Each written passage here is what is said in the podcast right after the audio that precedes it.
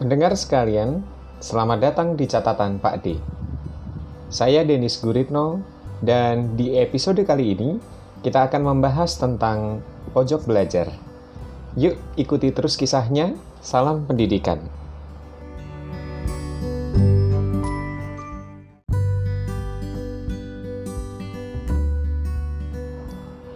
Kisahku waktu pagi menjelang. Matahari belum lagi menampakkan dirinya. Saya bergegas bangun dari tidur, merapikannya, dan segera mengambil handuk. Pukul lima, pikir saya. Sejenak rasa enggan bergelayut manja, tetapi apa mau dikata, niat hati memang untuk bekerja di ibu kota. Saya pun segera mandi, bersiap-siap, dan memacu kendaraan saya menuju sekolah. Sejak bulan Maret 2020 lalu, aktivitas saya tak biasa-biasa saja. Mau tak mau, saya harus sigap menyesuaikan diri. Saya berharap pembelajaran online menjadi kesempatan yang baik untuk memperluas cakrawala pengetahuan saya tentang teknologi, sekaligus juga menghadirkan pembelajaran yang proporsional. Aduh, Maaf kalau bahasa saya agak ketinggian. Tapi kisah itu hanya awal cerita. Cerita saya dimulai ketika pagi menjelang.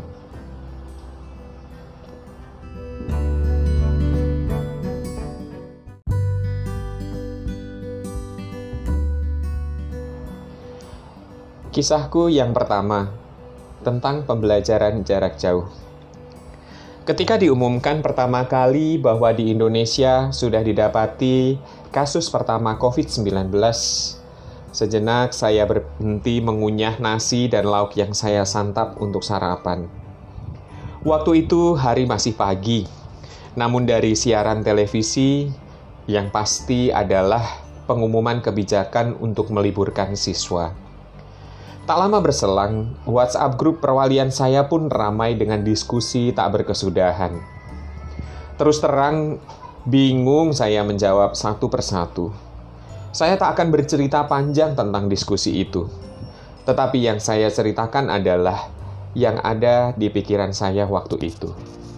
Pembelajaran online. Tak lama setelah pengumuman kebijakan itu, saya pun harus mulai mengenal apa yang disebut PJJ, pembelajaran jarak jauh. Jangan dipikir mudah ya. PJJ membawa perubahan bagi beberapa di antara kami yang tidak akrab dengan teknologi. Saya pun sama, saya tidak siap. Satu hal yang saya pikirkan adalah bagaimana caranya menghadirkan pembelajaran yang menarik mengesankan, dan tentu saja lihai menggunakan piranti untuk menyampaikan pesan pada siswa yang saya dampingi. Dan lagi-lagi jawabannya jelas, itu tidak mudah. Kisah saya berawal dari sini.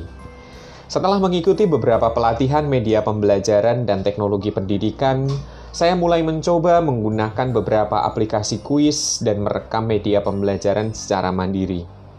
Pagi itu saya bergegas menuju sekolah. Hari masih pagi.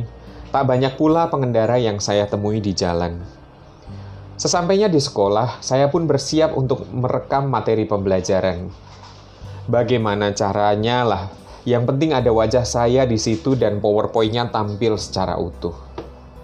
Singkat cerita, jadilah video pembelajaran lengkap dengan kuis untuk evaluasi. Anak-anak sekalian, setelah menonton video pembelajaran, silahkan secara mandiri mengerjakan kuis yang sudah Bapak siapkan ya. Saya berpesan pada anak-anak sembari menutup sesi briefing sebelum kegiatan pembelajaran dimulai. Namun, apakah dikerjakan sesuai langkah-langkah yang diberikan? Tentu tidak. Yang dikerjakan adalah kebalikannya. Dikerjakan dulu kuisnya, dan sambil lalu menyimak materi pembelajarannya. Mendapat hasil yang tidak memadai, tentu saya berpikir bagaimana caranya agar saya tahu bahwa media yang saya siapkan itu disimak dan dipelajari dengan baik. Minimal, saya tahu anak-anak menonton media tersebut. Mulanya memang media itu saya unggah saja di Google Classroom. Namun, saya yakin penyampaian melalui media tidak dapat diwakilkan dengan penyampaian langsung. Dan benar saja, ketika media tersebut saya posting melalui platform YouTube, saya bisa melihat retensi media pembelajaran yang sudah saya buat. Kisah ini pun masih berlanjut.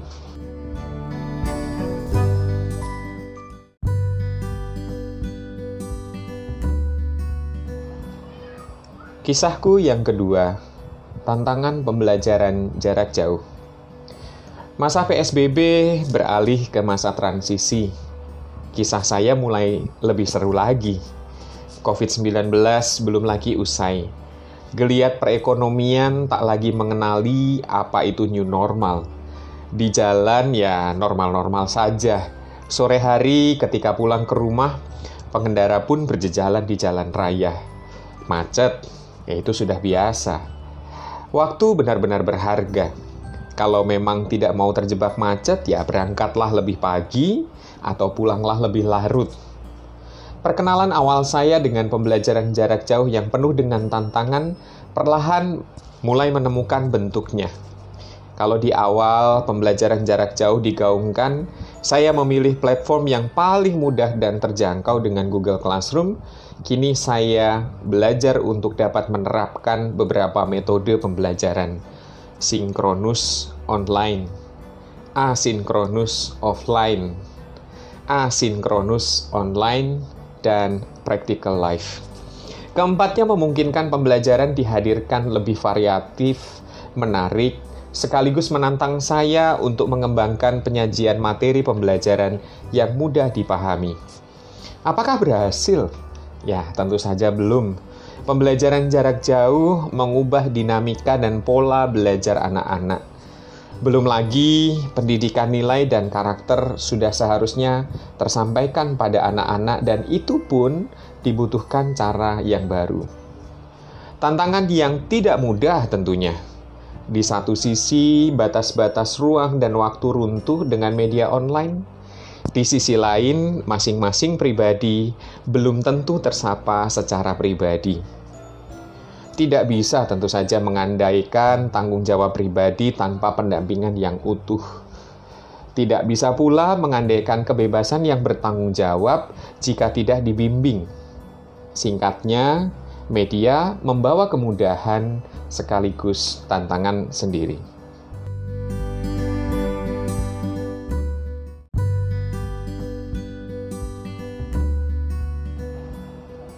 Pendengar sekalian, saya ingin menutup cerita saya dengan pojok belajar. Pembelajaran jarak jauh ternyata membawa sejuta cerita. Pemberitaan di beberapa daerah membawa kisah-kisah pembelajaran jarak jauh yang sangat menarik. Karena keterbatasan koneksi internet, ada guru yang memanfaatkan Handy Talkie untuk berkomunikasi dengan siswanya. Ada pula kisah guru yang rela dari rumah ke rumah karena keterbatasan gawai yang dimiliki siswa. Namun, satu hal yang menarik adalah budaya selalu terhubung dan budaya memberi komentar. Saya berpikir dua hal inilah yang menjadi tantangan yang harus disikapi dengan bijak. Media sosial memungkinkan kita untuk selalu terhubung satu dengan yang lain. Yang penting ada sinyal, batas-batas ruang dan waktu, segera runtuh saat itu juga. Seorang sosiolog, Sigmund Bauman namanya, pernah menegaskan demikian. Media sosial membuat kita merasa dapat mengontrol dengan siapa kita dapat berelasi. Kita dapat menambahkan yang kita suka, kita juga dapat menghapus siapa atau apa yang tidak kita sukai. Nah, dengan demikian, kita dapat terjebak juga dalam suatu komunitas yang kita bisa sebut komunitas bersenang-senang. Sedianya media ini dapat kita gunakan untuk pembelajaran, namun tentu saja sikap mawas diri tetap diperlukan. Kisah saya ingin saya tutup dengan pojok belajar. Suatu sore saya mengikuti dan menyimak Instagram Talk dan di dalam pembicaraan Istilah pojok belajar ini disampaikan oleh pembicara untuk mengatasi stres kala belajar jarak jauh. Pojok belajar adalah satu tempat yang memang dikhususkan untuk belajar. Pojok belajar ini dijauhkan dari hal-hal lain yang mengganggu selama kegiatan belajar berlangsung. Mengapa taman bukan tempat yang baik untuk belajar? Di taman juga kita tidak bisa berkonsentrasi, karena taman memang biasa dipakai untuk berolahraga. Saya berpikir istilah ini cukup baik Pojok belajar menjadi salah satu cara untuk menjadi produktif. Pojok belajar memungkinkan kita untuk mengikuti pembelajaran jarak jauh tanpa diganggu dengan hal-hal yang tidak perlu. Membedakan media yang dipakai untuk belajar dan bermain, memungkinkan kita pula untuk belajar bertanggung jawab, memilah-milah kegiatan dengan tepat, menjadi produktif, dan mengelola waktu dengan lebih baik dan bijaksana. Nah, pojok belajar ternyata juga mengkondisikan tubuh kita untuk siap mengikuti kegiatan pembelajaran. Dan juga tentu saja mengasosiasikannya dengan kegiatan yang sedang berlangsung. Semoga pandemi ini segera berlalu, tetap kita taati protokol kesehatan. Salam sehat pada pendengar sekalian, salam pendidikan.